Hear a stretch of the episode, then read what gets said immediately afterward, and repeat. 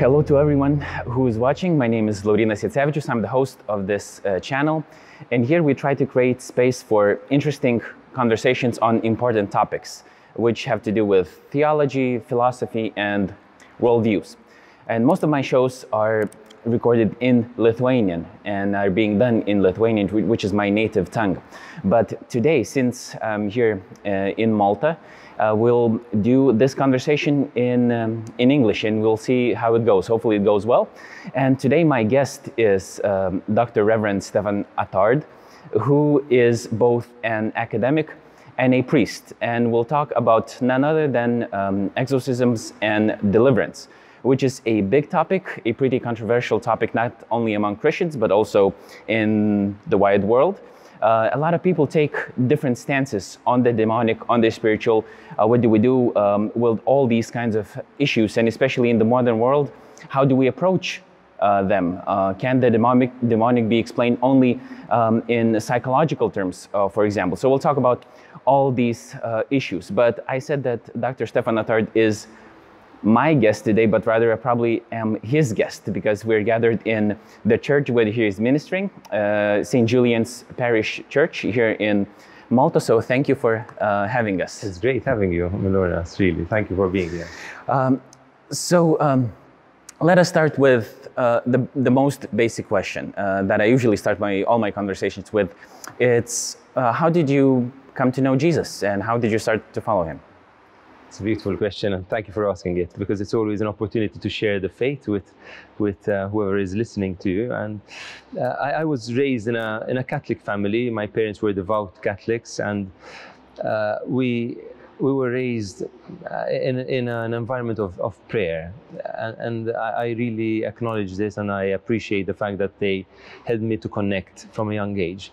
But there was also something that I felt was God's grace as well that happened within, within my heart, uh, even beyond what my parents were giving me. Because at school, we had a mass that was celebrated during the break. We had an hour's break, and uh, of course, the mass would take about 30 minutes. But for some reason, without my parents ever having asked me to go, I just felt the need to go and be with Jesus for that half hour of my break. And uh, I really attribute this to, to, the Lord's own calling, his, his wooing me, his, his invitation. And well, that grew with me. And um, eventually, rather than coming to the faith, I would say that my faith deepened, and and it deepened in this way. Uh, there was there was the Lord was really good to me. There, there was a, a, youth group that my mother mentioned to me uh, in a particular parish which I was living in back then when I was I was 15. I started going because there was a there was a girl I really liked, so I hope I hoped she would be there. And sure enough, she was at this meeting, but I didn't like it at all. I didn't like the meeting at all. Uh, it happened to be a charismatic meeting, and I, I, had no clue about people praying in tongues and, and being charismatic and so on. But I kept going because of this girl, hoping to get to know her and all that. And eventually, I got used to the style of prayer, to the way they express themselves, and I felt comfortable.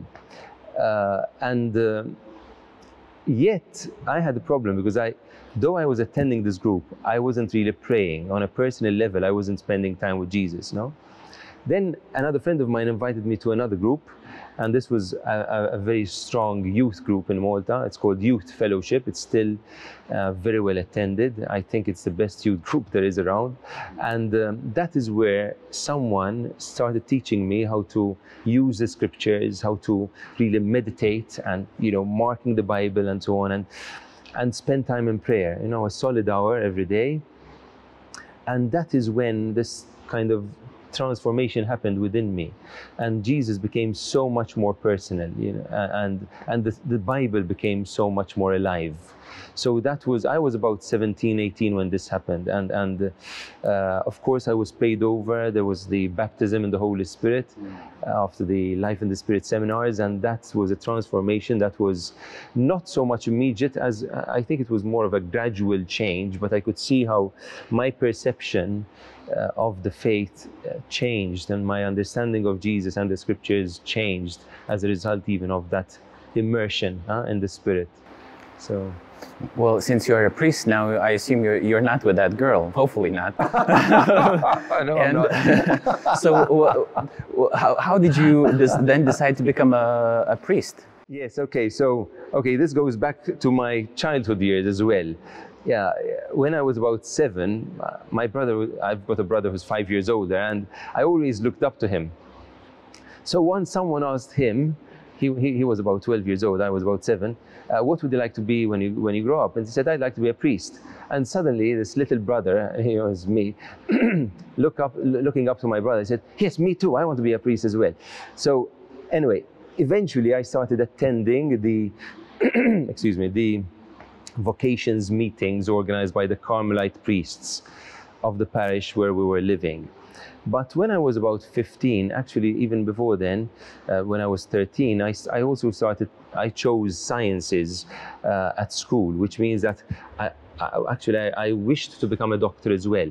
So I, was, I started passing through these different phases. At times I wanted to be uh, a priest, and at other times I wanted to get married and have and uh, have a profession, the profession of a medic, of a doctor. So eventually what happened is that it, when I was about uh, eight, nine, 18, 19, I had to do my exams again for the second time to get straight A's in order to, to be able to enter the, the course, to start the medicine course. And um, during that period when I was studying intensely, I just felt this calling. It coincided with the time when I started going to youth fellowship. When actually what happened is that I saw how Jesus was touching so many people's lives. Uh, there were there were people whose marriages, couple, a particular couple, uh, whose marriage was really on the rocks, and they they came to the Lord, and that marriage was healed, you know, and strengthened. There were people who were healed physically, people who were healed emotionally, psychologically, conversions I could I could see uh, in people around me. And I just felt this is Jesus' work and this is what Jesus is doing. So uh, that really helped me to shift my attention from the priesthood because yes i was attracted to, i had been attracted to the priesthood before. I, I, I, was maybe impressed by what the priest was doing at the altar and all that uh, in the sacraments but then it wasn't just an attraction for the priesthood as such. It was an attraction for Christ that, that I received, that I started having thanks to this group, thanks to what was happening around me. And this is what drew, drew me then to uh, wanting to do more for Jesus and wanting to be part of this huge ministry, you know, of reaching out to people. And um, I, I, had to I had to basically decide, but I felt extremely peaceful with yes, putting aside that girl and all the others, of course, um, and choosing this vocation, no, uh, which was for me it, it had become the, the, the best means personally how I could bring Jesus to others. Okay, so of course that is not the case for everyone, but I felt this was my personal calling. And um, well, actually, you know, given that uh, that background, uh, the place where we met might uh, kind of uh, sound a little bit weird because we met at the university. I came here for an internship, and then I was referred to you, you know, to, to, to you know just get some consultations about my my thesis and about the things that I'm uh, interested in. And uh, during our first conversation, I, I think um, this this whole issue of uh, well not quite issue but i mean you just um, kind of told me that one of your ministries that you're involved in is deliverance and exorcisms yes and yes. and and we're talking about that at the university. Yes. right. Uh, so, um, which you know, and for some people, those two worlds might seem you know like irreconcilable. Yes. yes you know, how, how can you as an academic uh, and we'll talk briefly about that. How did you, you know, decide to go into the academy? Okay, because not okay. every priest decides to get the doctorate in, you know, in something. Okay. Uh, but but you not only it seems well, I assume that you believe, you know, in the in the, the spiritual realm and the demonic, right? And you're dealing with it in, in one yes, way or the other. Yes. And we'll get to that uh, uh, really, you know, uh, quickly. But um, let's start with the question of why then you decided to go into the academy? So, okay, coming to Christ or growing yes. in the faith, deepening your faith, then deciding to become a priest, and then going into the academy. Uh, why? Why did I decide? Yeah. Well, it's it wasn't really my decision. It was the bishop's decision. uh, the bishop selects a number of priests and he sends us abroad to to study. But the thing is, uh, initially they were going to uh, send me to study psychology, uh, and uh, then for some reason the bishop changed his mind uh, one of the reasons was that I had to wait another three years or so in order to uh, join a, a, specific course because they ask you to do some uh, life for growth formation, something of the sort, and in order to be ready to start the course. And uh, so he told me, look, choose something else, choose another subject. And uh, of course, because scripture had become so important to me, I said, okay, I'll choose the Bible. The problem is that the, the, the course at, on the Bible at, in Rome uh, is, is the longest one. Together with sacred music, uh, the, the course in scripture is, takes about nine years, or, or, or, yeah, more or less nine, or just over nine years. So I said, okay, I, I would like to study scripture, and the bishop agreed. And uh, so I said, okay, we'll start off with the first course, which is four years, and then we'll see, we'll take it from there. And eventually I carried on. They asked me to carry on in order to come back and teach at university. So it wasn't fully my decision. Of course, I had to accept, but you kind of, you, you, you're expected to, to accept, you know. it's not that they're, going to force you really, but I was happy. I was happy to make, to, to, to be given this opportunity, which was very, very enriching. So your subject was biblical studies, more or less. Yes, totally. Yes, that's okay. it. So uh-huh. and, and and the main topic that you researched. So the, in the first four years, apart from the languages, of course, that we studied, the Greek and Hebrew most especially, and some others. Um, my main area of research was St. Paul, and I, I wrote on 1 Corinthians 14 on the gift of tongues and prophecy of course, probably because of my charismatic background, not probably, definitely because of for, for that reason. And uh, and then I was asked, and this was a difficult choice. I had to make, or well, I was kind of forced to do it. Basically, I was asked to go into the Old Testament because uh, the lecturer in Old Testament studies was about to retire. So and he himself, who was guiding me, told me, look, you have to take my place. And then he said something which really made me surrender. I was trying, struggling and trying to convince him that I should carry on with Paul. He said, look, we study to serve the church. And, you know, I was sent by the church. Uh, they were paying all my fees and all that. I was coming back to serve the church, so fair enough. I surrendered and I said, okay, I'll do the Old Testament. And then when it came to the Old, I chose the Psalms, the book of Psalms, which is what I researched on. Well, it's a, like an interesting uh, and a wonderful lesson of uh, submission, also that yes, uh, we don't always yes. get to choose what we yes, what we want to do, and we, we do struggle with those uh, with those issues. Right, but um, we could probably carry on talking about these subjects forever. But uh, let's jump into the, this this whole subject of exorcisms and, and and deliverance. So you mentioned to me that you work in this ministry. But yes. what does it mean, and how did you get involved in it? Okay, there again, I, I was I was chosen by the team. Uh, it's a called a com, the Commission on Occult and Satanism, which was set up in 1995. Uh, back then, there were six exorcists, and they asked to have more help. Here in Malta. In Malta, this is Malta, yes, and. Um, I, one day I, I, received a letter in 2014 I received a letter in which I was asked to uh, to join this ministry. And so uh, I, I, spent a few days praying over it and thinking about it and discerning. And it was very hard. Actually, I remember my mother saying, she, she said, Stefan, you're very quiet these days. I, I, was extremely quiet. I felt like a truck had run over me because I wasn't prepared. I was uh, I had just come back from Rome. I was uh, kind of growing in the academic life, getting more and more in, deeply involved in the in life at university, and then suddenly this thing came along. So uh, I realized how how serious it is. Of course, uh, there's also a question of time because it's I know it's time consuming. So uh, apart from that, also the energy. It's not just the time, but the energy that it involves, that it requires.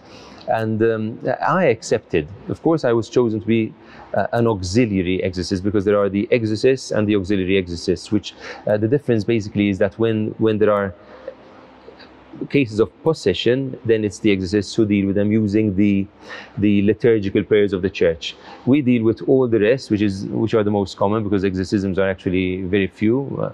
Uh, and uh, so eh, we're dealing with deliverance, even though yes, you may be involved. I, I- have been involved as well in in a case of exorcism, but chosen specifically for that case. You know, so. Uh, there again, chosen. Not- uh, I was chosen for it, and, and I, it wasn't my personal choice. But I'm happy to have been selected because I, there again, it is an experience that brought me in contact with realities that in my uh, previous years as a priest, I had already been a priest for for about 14 or 15 years, I had not come across these situations, these particular situations that a number of people go through. Uh, and uh, so it was extremely enlightening. It was a new world. And uh, it made me more conscious, yes, of the demonic that, that is very, very real. and uh, so, yes, my approach probably to the whole ministry, my own, all, all my ministry as a priest, probably changed as, as a result of that. Yes. Well, it seems like in the modern times and the modern world, especially in the West, uh, right, with the advancement of, of, of science and uh, and all the philosophies that accompanied um, it it seems that it's quite even hard to talk about uh, these issues uh, openly and be taken seriously by the others. I'm not sure how that would be, you know, taken if you would speak about that at the university and, and things like that. But uh, like in in the Christian worldview, we have this concept, right? That's um, both experiential and also it was revealed to us. You know, in, in the mhm. scriptures, we Yes, see that yes. Jesus was performing Yes. exorcism his disciples, and we hear about them, you know, all the time. So we take that there is this spiritual reality, this evil reality, the spiritual Mm-hmm. realm. Um, that is not some immaterial, uh, not, only, well, it is immaterial in a sense, but not impersonal. Yeah, Um, yes, but but right. there, you know, there's like uh, this personhood, or like not personhood, Yes. but maybe a personality in there Yes. uh, of sorts that can do things Yes. to people, right? And it seems to be quite weird, you know, and uh, to, to, to, many people, you know, what is that? You know, maybe it's just something that we can't explain if the person is acting weirdly. Maybe it's some psychological pheno- phenomenon. Maybe there's some disbalances in some sort of, you know, like chemicals in our brains Mm-hmm. And, and things like that. So, um, do you encounter, do you yourself encounter skepticism when you talk about these things with, with other people and when those issues come up? Yeah. Yeah, actually, it's probably when when those issues come up because I, I tendentially I do not really bring up the subject unnecessarily, and um, but uh, initially I myself used to think, for example, I, I used to think that if a person has psychological problems, mental problems, mental issues, then it is definitely not. Um, anything that has to do with the demonic and that is what i thought before i joined this ministry but once I joined it, I realized that very often there are these two elements that go together. Now, if a person is psychologically wounded, mentally wounded, and uh, emotionally wounded, then it is possible for the devil to try and hurt that person even more. So the influence could be could be there. Could you kind of it paves the way for for more influence, negative influence. Now, yes, uh, you, you find all sorts of reactions. Of course, you find people who believe in these realities and are terribly afraid of them when you know as christians we believe that we we should not fear the devil i mean eh, we mustn't be kind of bullies of course and we need to respect in a way uh, that kind of power you know it's, we, we're not we don't approach it in a way that tries to mock the devil. Um, so we're aware of, of his power and the authority that people have given him, unfortunately, but we need not fear him because faith and fear go against each other. The more we, we believe, the less is the fear we have. When people come to me with a lot of fear, then I, I immediately I can tell that their faith their awareness of the authority that Jesus has given them is, is very low. And that is where I usually help them. I help them with their faith. Um, uh, but then, of course, you find the other extreme of people who are e- extremely uh, uh, skeptical and um, who do not believe. But there, is little one can do to convince such people, in my opinion. But uh, I heard, I heard uh, a famous Protestant exorcist saying that um, in our case, when we do this ministry, we're doing something that is biblical, as you yourself said, and it works. You know, we see people really being delivered. We see changes, radical changes in people. So it's reason enough to, to believe that uh, what we are saying, the theory or the, our understanding, our theology is correct.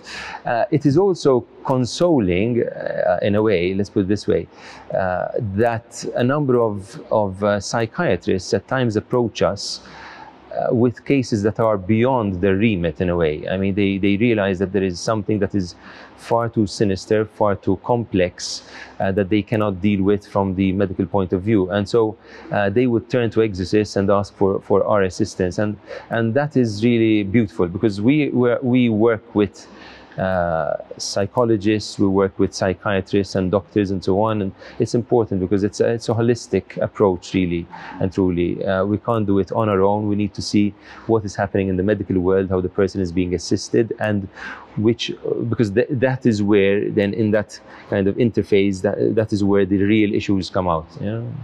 Well, in other words, it seems like, of course, you are not denying that there are psychological and mental issues. There's, you know, physical issues that also might be uh, at play, but there's mm-hmm. uh, something something more, right? And yes, our worldview, yes. our worldview allows us to kind of see that. And yes. also, when you look at Revelation, mm-hmm. we, we get certain explanations yes, um, uh, uh, of that. But then again, on the other hand, you have uh, specialists um, uh, in the medical field who are also sometimes sometimes perplexed by what is happening and they know right. that it's beyond you know their reach so they have to admit that something is happening and then the third thing is that like the skeptic uh, it's, as you said, it might be very hard to convince a skeptic, but uh, it seems that there is some sort of empirical evidence, right? Because yes, uh, that when you do something, when you pray, for example, and all the other practices never helped, but but this particular prayer of deliverance or an exorcism does help, right? So it kind of uh, makes you think. Well, at least it should yeah, make yeah. you think, um, right? So, uh, but let us um,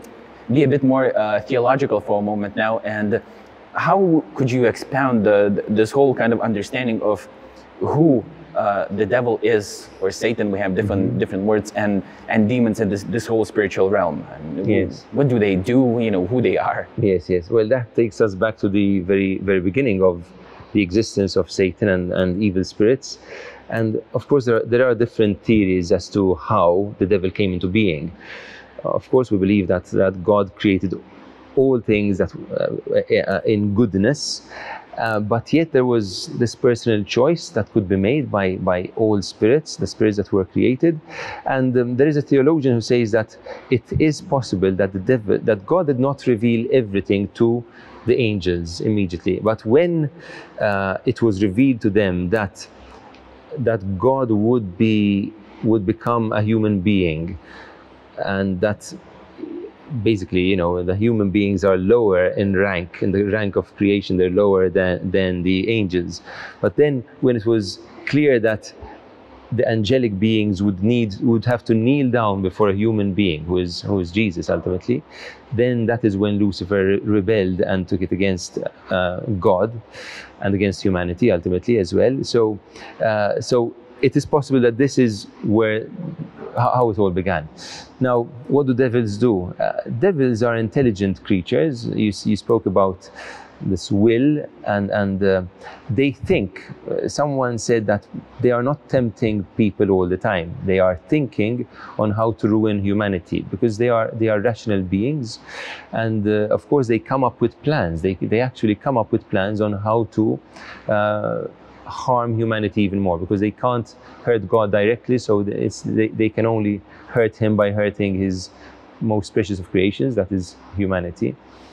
Um, um, so I don't know whether I've, I've answered your question. Maybe I can expound a bit more on. No, on no, no. It's good. It's a, it's a, it's a good starting point, right? So we, we have those um, rational creatures, and they're somewhat different theories of how you know the devil um, kind of well Lucifer came to be you know the beauty, most beautiful yes, of yes, angels yes. how he fell right but he did indeed uh, you know a fall and then he kind of dragged some other spirits with him right, and then they right. rebelled against God so to say so yeah. they did rebel against God and now they're trying to uh, as you said ruin ruin humanity and they're devising plans and and and they've been doing that for you know um, time immemorial as you know as long as the humanity was you know the, there was there was them you know because they were created before us um, and they're you know and it seems like uh, well, I mean, this this spiritual reality is of course all around us, you know, Yeah, even as we right, speak, that's right? I mean, they, they're, right. and those kind of two realms of the spiritual realm and our physical realm, they do overlap uh, sometimes. So um, the question is now, how can a how can this kind of spiritual realm or these spiritual beings have an effect Yes, on us? our lives. Yeah, because I- because mhm. we, we're, it seems like we're we're kind of, you know quite different, right? and Yes, uh, we, we have a body. Demons they, they don't have a body, right? That's and there's right, a whole theology how can they you know kind of maybe create a body or or, or like or, okay. or possess us Or or, appear, oppress uh, yes, or yes, appear in, yes, in, yes. in certain yeah instances. So so how does that interaction the- happen? 2 Corinthians says, no, and St. Paul says that the, the devil masquerades as an angel of light, so he can actually manifest himself in some way or. But I, I always uh, try to, I distinguish between two forms of manifestation or influence, negative influence of the devil. Uh, the first one, the, the most common of all, is temptations. Uh, we are constantly bombarded in a way uh, to act against God's will. And of course, in some ways, I believe that the, that the devil can suggest evil to human beings. Now, how, how he does it, I'm not too sure, but probably being, being a spirit, um, uh, he can somehow communicate thoughts somehow. Uh, so they may not always, of course, they may find their, have their origin in us, but I strongly believe that there can also be this external influence, even when it comes to thinking. This is what the temptation essentially is. It's um, it's being allured to do something that is not in conformity with God's will, um, and that doesn't doesn't always find its source in the human being. Uh, the other form of attack, of demonic attack, is um, uh, what we often see in this ministry people who are somehow eh, eh, like the devil doesn't simply try to make us sin, but he also tries to uh, to to to uh, damage our lives, but even on, on, on the on, on in various spheres. For example, people can be influenced in their health, in their finances, their work, their, their relationship with God, their relationship with others, uh, in, various areas. So, so psychologically, uh, so you can see that sometimes his influence is of that nature, and uh, and of course, people might be, as we said earlier, skeptical, and they might think, "Oh, yes, it's just he, he's not doing well in his business, and that's it." But uh, very often, the people who come to us would have would be would have problems in so many areas of life at the same time, and they usually use an expression. In Maltese, they use an expression which is like, "I just uh, I can't breathe." When, when when a person tells you, "I can't breathe," it's a it, it really means I've had enough and I can't find the strength to come up on my feet again. And uh, this is when, when I hear this, this, this phrase being used, I usually think, okay, mm, this, of course, it may not be demonic, but, but it, it generally tends to be. And um so these two areas, and uh, uh, sometimes they go together, sometimes as a result of sin, as a result of uh, some kind of meddlement with the occult, then people are exposed to more harm, of course, in other areas of their life. Or sometimes people are trying to live a good life and yet they, they are influenced in this negative way. So, for example, even accidents. Sometimes we might think an accident is an accident, but I believe there are instances when there is a demonic attack in that area as well. Uh, so, so one wasn't mustn't uh, just mm, just assume that things are simply on the human level. You said, you know, that the spiritual and the human of, often overlap, and and I see this happening very, very much so. Uh, it's it's something that really impresses me actually how how the demonic can influence our lives and how the good spiritual realities can influence our lives as well because we are really in touch with these realities that are all around us. And Jesus speaks about the devil as the prince of the air, the prince of this world. So you, you can imagine how, how much influence he can have on humanity. So There's a podcast by two Orthodox priests. Uh, it's called The Lord of Spirits, and they're basically over there. They're talking about how we in the modern world somehow manage to detach ourselves from those the understanding of the um, broader kind of reality that uh, it's not not everything is physical. Sort of even christians like we, we tend to kind of explain everything in purely ma- Yes, materialistic yes, terms. yes. and and if something kind of uh, spiritual or um, comes up or let's say if a prayer get answered all of us get surprised because you know this is not supposed kind of to happen. But they say it's because mostly we, we kind of live on this kind of f- flat reality and the reality is much broader. Mm-hmm. Yes. but then you have cs lewis also who, who says a protestant thinker um, and he says that it seems like uh, the devil wants us to be in one of the other extreme. One extreme would be just finding him ev- under every rock Yes, sort of yes. and, and making everything seem uh, for example i dropped my spoon no this is the devil you know Okay, me do yeah, it Um, or, or i spilled my coffee you know whatever Yeah. but then the Yeah. other extreme is the other extreme is that uh, well there's no such thing as devil right so both extremes are good you know for the devil one when you're when you're just constantly kind of preoccupied of thinking about Yeah, him yeah. and the demonic and you're even maybe you know kind of too interested or even afraid um, at times and the others want to kind of neglect that well well in truth i mean the, the the spiritual reality is always you know active always always working but our reality is it seems to, to be like fairly complex right because human Yes. beings we are soul Spiritual and spirit. yeah, Yeah, we're also yeah, spiritual yeah, beings right? so right, so right. we were like a unity of, of, of body and soul right? Of course different denominations might have different uh, Okay, uh, different underst- theologies on, on that but but we, we are indeed spiritual beings also um, um, in a sense. So I think it's a it's a it's a wonderful you know kind of point that you also kind of uh, brought up because uh, this the spiritual reality is being active sometimes when everything seems to be uh, working just in a plainly natural kind of level. Sometimes we might um, might not address the reality as it is. so and then I guess it leads to um, to um, to the need of the kind of prayer and not only solving everything on a natural plane, but right Yes. on approaching you know uh, God with our, with our petitions and, and prayers. But I also wanted to ask. Um, after this monologue, for some reason that I just you know came up with, it's a dialogue. It's a dialogue. but uh, no, no, no. But, but um, what I wanted to ask uh, is,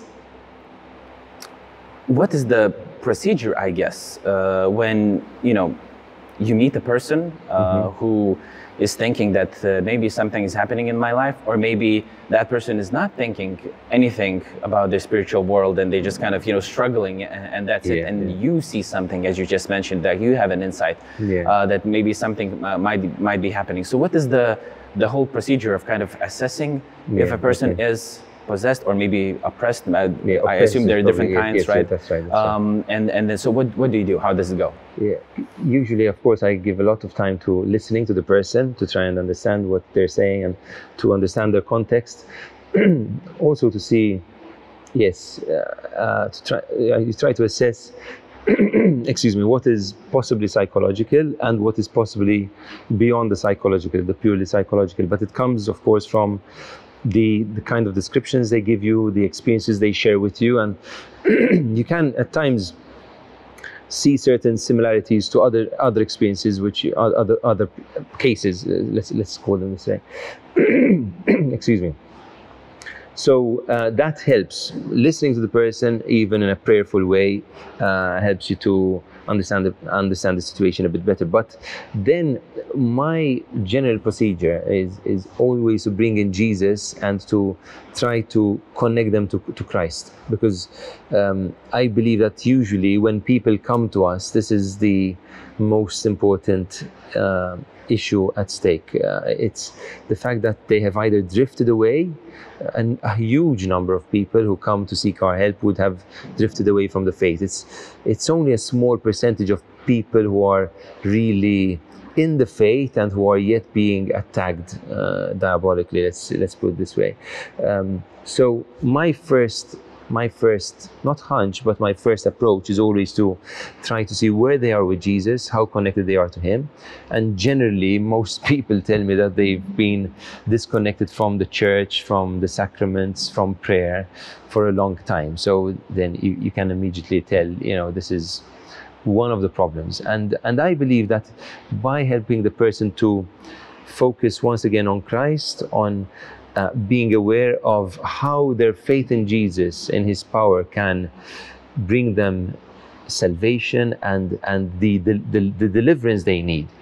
Uh, th- this is extremely important because sometimes unfortunately people approach us in yeah, they think that what we do is a bit magical. You know, they a number of people, for example, go to fortune tellers, you know, and they do all the rites and the rituals and so on, and they give them the potions and the powders and all that, and the thing, the talismans to carry around and all that, and and. Um, and then they come to us because they, their problems have been so, haven't, haven't been solved, or actually they have actually gotten worse. Uh, they come to us, and for example, they'd ask me, Father, they'd call me now, Father, are you the, are you the one who, who removes spells? Like, uh, well, I wouldn't like to be known as a priest who removes spells. I mean, I'd rather be a, a priest who helps people come to Jesus, you know, and find the liberty in Jesus and freedom in Jesus. So yes, they, they, they do approach us in that way sometimes. Okay, you do your prayers, you do your rituals, and I'll be free, and then I'll go back to my old life, and, and things will be okay. But no, there needs to be a conversion, a change of life, and this is what I insist on mostly. Um, with the other cases you mentioned, where people might be oppressed without their knowing it, of course, then yes, my approach is always ultimately to point them to Jesus. But then, if they are not actually seeking your help immediately, uh, or directly, then it can be a bit difficult to convince them that this is another reality in their lives. But I, I, I, I would try to um, explain this without scaring people. I always try in my conversations. I always try to keep things as calm and as as um, uh, unimpressive as possible. You know, I don't try to impress people. I, I know that sometimes there have been cases where people were made to believe that they have an evil spirit in them and all that and it becomes a bit of a show and now we're going to remove this evil spirit and no no it's it's it shouldn't be that way you know there should always be respect and the focus should be christ ultimately otherwise it becomes a real show and it's it's not healthy it's not right. Yeah, uh, yeah because some people also you know like um, the ones that i already mentioned with, with this uh, kind of this this naturalistic uh, or materialistic worldview, they, they kind of say, oh, if it's real, you know, give give me some camera footage, you know, whatever. But yes, yes. but you know, it's it, as you said, it's not for a show. You know, yes, we, nobody's recording those those things just right. kind of to show other people and convince because you know we are convinced. So we That's so we know they're they're happening. You know, God is going to convince uh, anybody else who's you know who needs to be you know convinced. But then it's not going to you know become a spectacle. You know, of, of all this thing, right? So I assume, I mean, like uh, I heard that the Catholic Church Church has a position that they don't even allow the exorcisms to be filmed, right? Is that uh, is that correct? I, I, um, to be honest, I'm not too sure whether it is a, an official position. I, I, I, wouldn't think so, but as a practice, it, it is not. They're not usually they're not filmed. No, they wouldn't be filmed at all. Um, I don't know of any cases of, of such such uh, events being filmed. Uh, because the person's dignity must be always respected, of course, and uh, yeah, well, how would you use it? What do you use it for? People will, people could actually see this this kind of footage and still think it's it's psychological. If they don't want to believe, they will still think, ah, she's being influenced by those prayers and she's reacting to those prayers, and it's not really the person, as in it's just the person's mind. So um, no matter how much footage you show, it's it's it depends on how. Even though um, the the president of our commission was once kind of somehow challenged, I think, or approached by, by a journalist who didn't believe at all in, in exorcisms. And the, the, this exorcist asked, asked him to join him for one of the sessions that he had. And he went out in trepidation. He was so terrified. I mean, he realized that he was he had come in touch with a reality that is really demonic. So he, he, he came out a changed man. So the, in that case, it did help him, but it's not quite, it's not generally something we, yeah, we yeah, do. we do. yes. Well, um, that reminds me of a, of a story, how I um, also tried to be delicate, you know, uh, about it, but I came to faith uh, in Jesus like six years ago, and we, the, and maybe five years ago, so maybe a year after that. But I, I, did believe in the spiritual realm. It wasn't a problem for me. But there was a group of us, uh, five or six guys, were geocaching in Vilnius, uh, mm-hmm. in, in, the old town. So looking for kind of clues, you know, uh, yes. using the GPS, kind of mm-hmm. you find a clue, you, you yes, go to you find another clue, and things like that. So we were doing that. Um, and then uh, we, we came to one, you know, to, to a wall of one Catholic church, even though it's like in the middle of the, of the old town, there was like a big yard that kind of separated it from all the other, like the busy streets. Mm-hmm. So in the mm-hmm. yard, there was, you know, nothing. So we, we, we kind of came up to that wall and we are looking for that clue, you know, somewhere hidden. And we heard screams from within the church. Okay. You know, and we kind of, all of us were perplexed and none of us were Catholics also. Okay. Um, uh, so we came to the door. For some reason, we saw that there was uh, a lock put on the door, but it wasn't locked. So there was a lock, but we wasn't locked. So for some reason, you know, I decided to remove that lock and open the door to see what was happening because I thought maybe a child is screaming, and other people said no, no, it's definitely not a child, something, something else. But you know, we didn't know what was happening. We opened the door, you know, and I saw like it was a movie scene almost. We saw uh, a priest at the altar. It was already kind of evening, like you know, dusk and uh, we saw him reciting prayers and there was a person crawling on you know on their knees Mhm. um, and and we just closed the door and we we didn't know what was and Run for your lives. no, no, sure, I mean, we, and didn't because um, I think all almost all of us were Christians except for one guy who was undecided. He was not, you know, like he didn't know if was he, he, he was a, a Christian or not, and, and things like that. So, and we didn't know what to do. Do we do we kind of you know help? I mean, Yeah, we yeah, had no yes, concept, yes, you know, yes, of, of what to do in those situations. Even though some other people have experienced in the evangelical circles, you know, have experienced, Yeah. you know, some deliverance. Um, well, not themselves, but they saw something happening in in, in the services. But there was one guy who was from a Baptist church, and he was like pretty skeptical of of, of, of these things yes. happening, um, even though he believed in in theory that um, you know uh, might happen. But so for some reason, we decided to crack the door open one, once again, and that that person started running towards us. And then, like the the face of that, it was a woman, and the face of that person, uh, it was. I mean, I, I couldn't describe it. It was just like some something else, right? Okay. Um, it was something else, and and then you know my my my friend, you know, just kind of raised the hand, said, "Stop in Jesus' name," and you know we kind of closed the door, and uh, and that, you know, we just heard. Uh, you know that woman kind of cursing in, in, in, in Russian in another language uh, very loudly and then we heard several thumps like really big I'm like um, how do you call those uh, like pews kind of you know being smashed in, inside yeah, yeah. and and we prayed we sang you know Yeah. hymns you know outside but we maybe we we probably disrupted all the things that the, the priest was doing so it wasn't a good thing you know uh, that we did but we didn't know we wanted to kind of to help you know some, right. some somehow you know and we didn't want to kind of be too curious But your prayers would have helped, definitely. well, hopefully. yes, I mean, yes. but we stand, you know, stand outside, you know, all hugged, and we kind of and, and we kind of prayed and, and, and prayed and prayed. But then, you know, there was this kind of weird feeling I, I had for a month that you know something was, you know, kind of, you know, very close to me, and and like uh, like a something something evil, right? Mm-hmm, Yes, yes. And I never experienced that, you know, uh, before or after. You know, that was kind of uh, there's a very weird kind of uh, experience. So that, of course, even though I didn't need convincing, much convincing, but I but I, I was convinced also by this experience that this right, that, uh, that right. this happened. So. Um, and, and that you know kind of made me scared in a sense uh, because you know I've never seen it and I knew that you know Jesus protected me and He's you know with me but there was this kind of sense of you know like a deeper Some sense noise. of evil Yes. that you know there is this kind of evil who's very personal and who wants to terrify Yeah, you, uh, may I stop you for a while, uh, Lawrence? You're reminding me of an exorcist in Malta who had a very heavy exorcism session. And he said when he went back home and he just um, was in bed about to sleep, he just felt. This was this was just a one a one time uh, episode. He just felt a real evil presence behind him, and he said, "I didn't turn around because I felt that if, had, had I turned around, I would have actually seen the devil. Like th- that is how real it felt." And he just slept and, and stopped there. But but it's kind of you reminding me of this kind of experience where, for some reason, this evil manifests itself. Um, uh, maybe to annoy us, I guess. Yeah, and and like you, you also um, uh, asked me about uh, the Holy Fools just before Yes. we started recording this this this whole thing because um, they, they actually went to the desert. Some of them went to the desert, like the Desert Fathers, where they were not all Holy Fools, of course, what we call the Holy Fools. Uh, most of them uh, went to the city, you know, um, and that's the concept of the Holy Fool gets you know this kind of full explication within the the the, the environment of a city, but some of them. Um, would would not some of them, but all of them would fight the demonic in a very you know kind of personal a personal way. And some of them, even though you said you know we shouldn't kind of uh, you know mock uh, the devil, but the holy fools what they did, but it's only like a very small subset of Yes, you know yes, the, yes, the, yes. the people they did do that. So there was like a, a um, like there's a story about one guy I don't remember his name, but.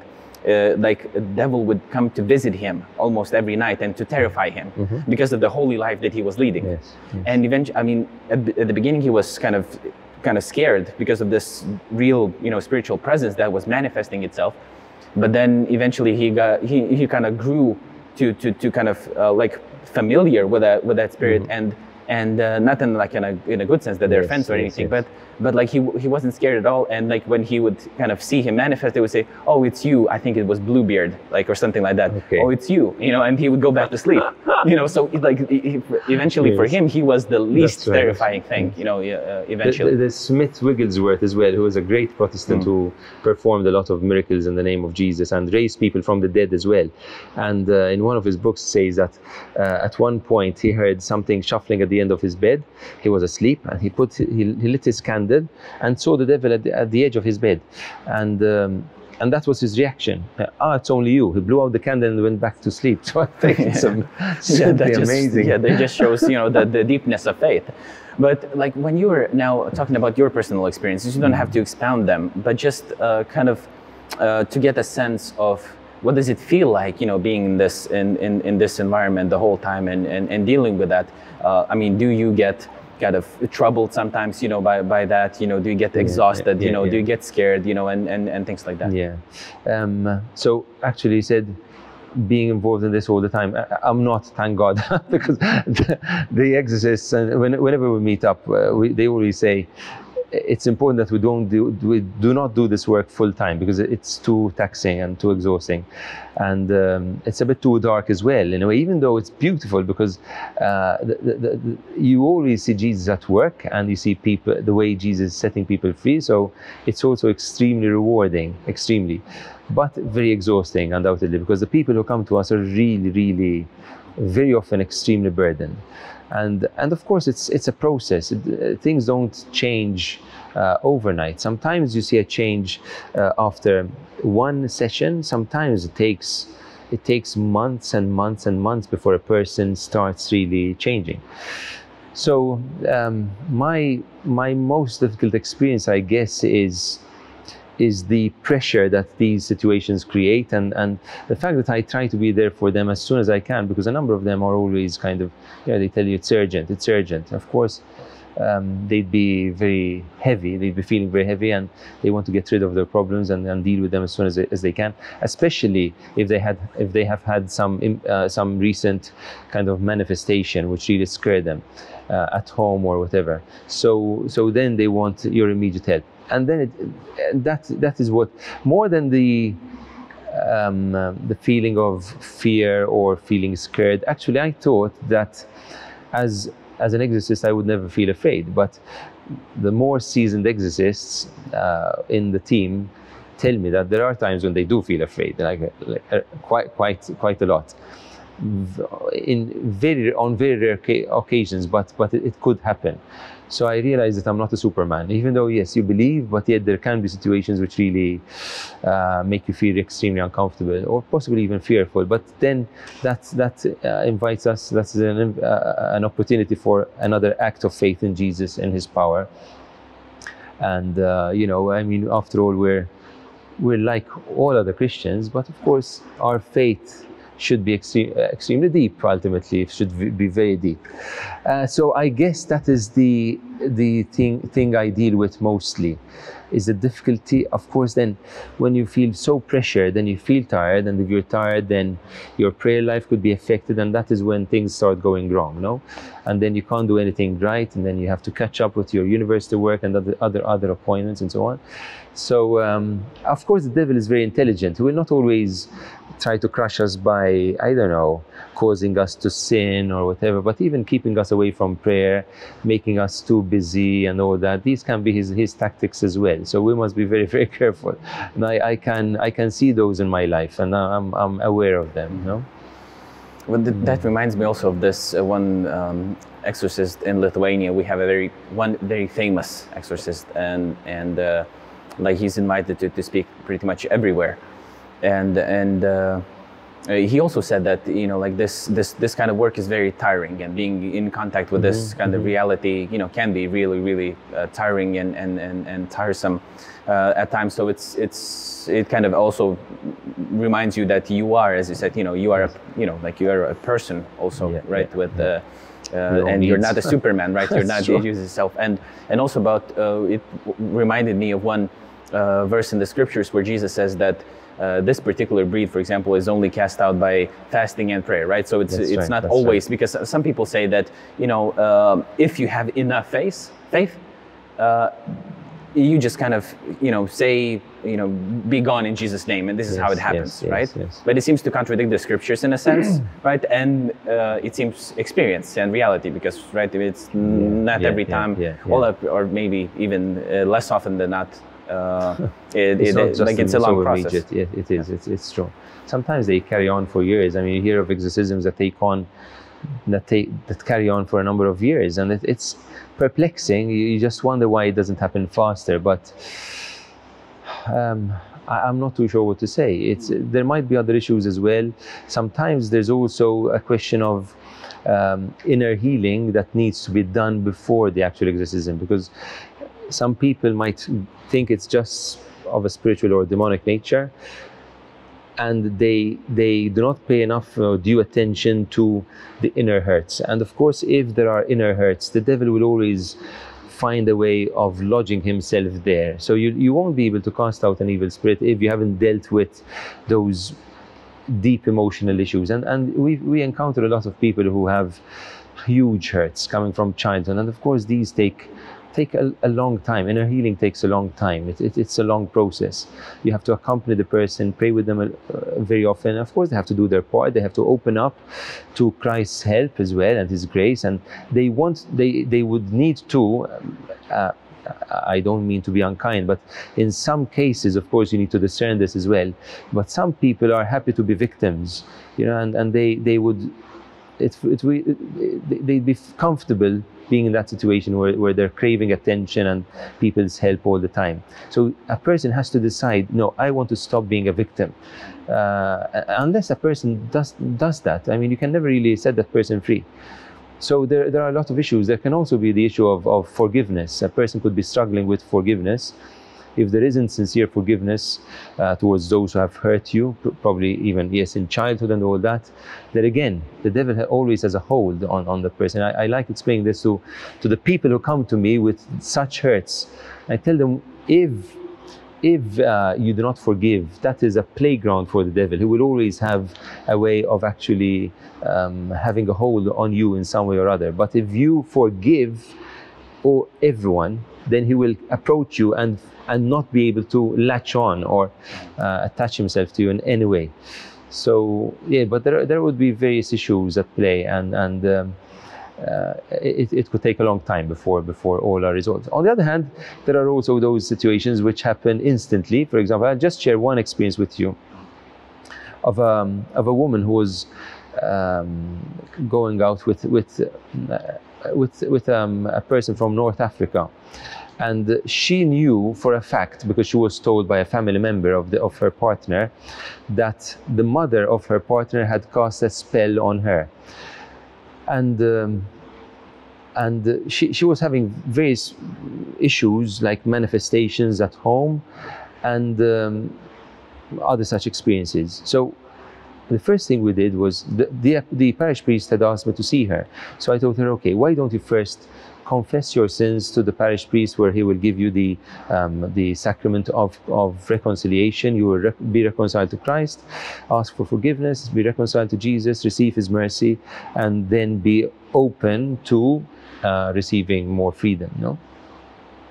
We always say that as an aside that a, a good confession is better than is stronger than an exorcism. Because some people think that an exorcism is so much more impressive and all that but when you actually confess your sins even if it's not to a priest even if, even if it's not in a catholic setting but if you are sincere before god and you repent of your sins that is when your soul is set free. So that that is much greater than an exorcism because in an exorcism it is uh, the body that is being set free of this negative influence. It's not one soul. Uh, so anyway, after having uh, confessed, we went in. I went in again, and we prayed with her for maybe five or ten minutes. And at one point, she just said, "The pain is gone." And we said, "What pain?" She hadn't mentioned any pain. She, she said, "I've been having a constant pain in my stomach for these past um, months. I don't know how long it was, but months. It was months on end." I said, "Okay." this, this, this sounds good. Like, let's thank God. And so we thanked God and praised Him and all that.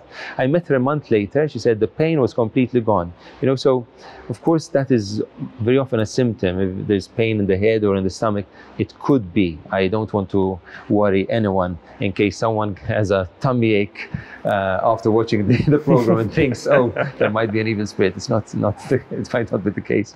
Um, but sometimes when when spells are cast, you know, it could be it could be a, um, an indication. So she was set free instantly, and she never came back because she didn't need to. Actually, I did meet her a month later, but in, uh, uh um, by chance, and she said, "No, I'm fine, and I'm really happy." so there are different situations, you know. So let us finish with uh, one last question, which might sound a bit controversial, but we'll see. Hopefully not. Okay. Not too much, at least. Okay. Uh, so uh, there are different um, you know, views that people take, um, like from different confessions on exorcism and who can perform it. Yes. Um, yes. So um, I don't know you know, what, what's your stance? What's your particular stance? Uh, some of some of the Catholics are a bit stronger than others. For example, saying that a real exorcisms can only be performed within the Catholic Church. Right. Then the question is, how about the Orthodox yes, or the Protestants? Yes, yes, but I've also seen one Protestant exorcist coming to uh, Rome to meet with Gabriel Amorth, who yes. used to be yes. one of the, the most, you know, yeah, the, the, most the most famous one. But he was kind of quite acceptive of what he was doing, you know, the, the mm-hmm. Protestant. So the, the uh, Protestant or Orthodox? Say uh, Protestant? Protestant, I Protestant. Yeah, yeah, okay, there was a Protestant. But I'm just saying that okay. I, am not sure what about, you know, like okay. what the, would be the views of, you know, Catholics and Orthodox yes, at, you know, yes. each other, how they do, you know, those things. Um, I do have a, a friend who's a, who's an Orthodox priest. I could, I, and I've heard that he also been involved in, in, in, in doing exorcism. So I, I, need to ask him. But uh, my question would be this.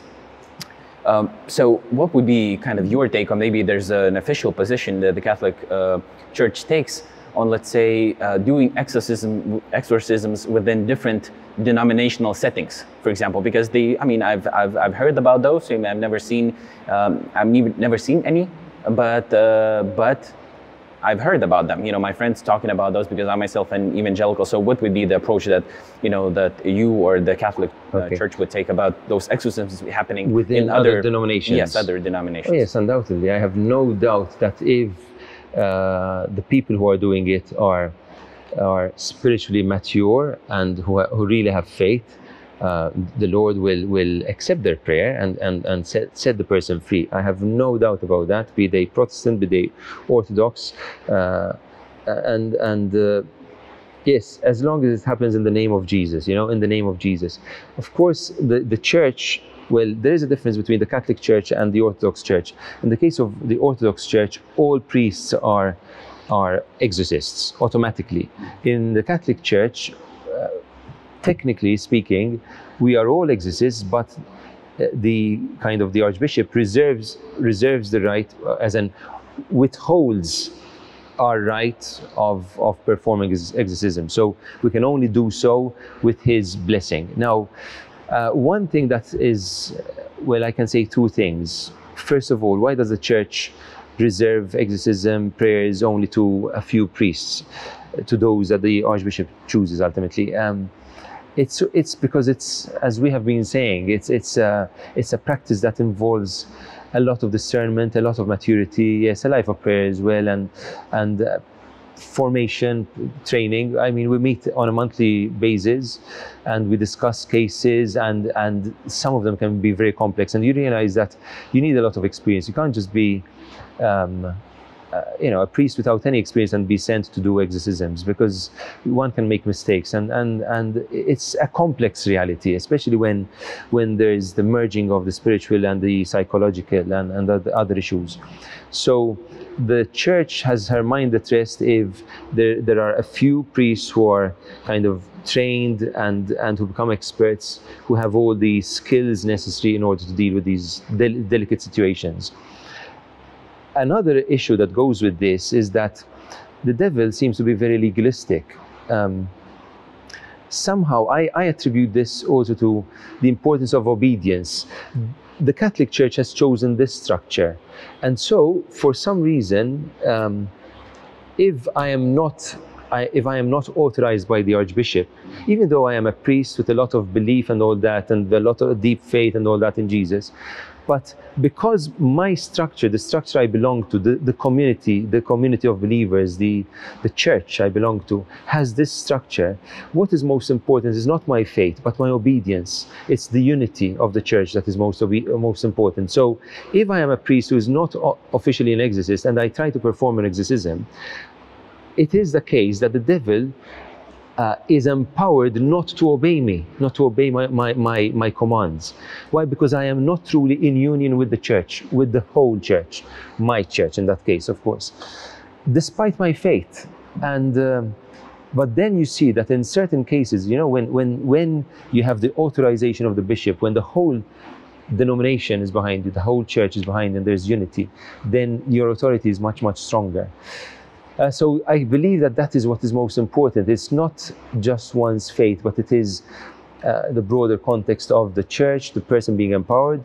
We also say that there is also this view that, um, okay, when it comes to the official liturgical prayers of the church, which are either in Latin or in, in uh, the various languages that we use, uh, then it's only the exorcists who may use them but as prayers of deliverance and possibly even verging on exorcism, there are those who believe that if a person has authority over another, for example, in the case of parents praying over their child, or the leader of a community, of a prayer group, who has, of course, the, the, the, his, his community, who, who, is, who he is spiritually responsible for somehow, then that person may pray over people who are under his um, guardianship or, or whatever. So, um, and I think this makes sense. But of course, the person has to be have the necessary training.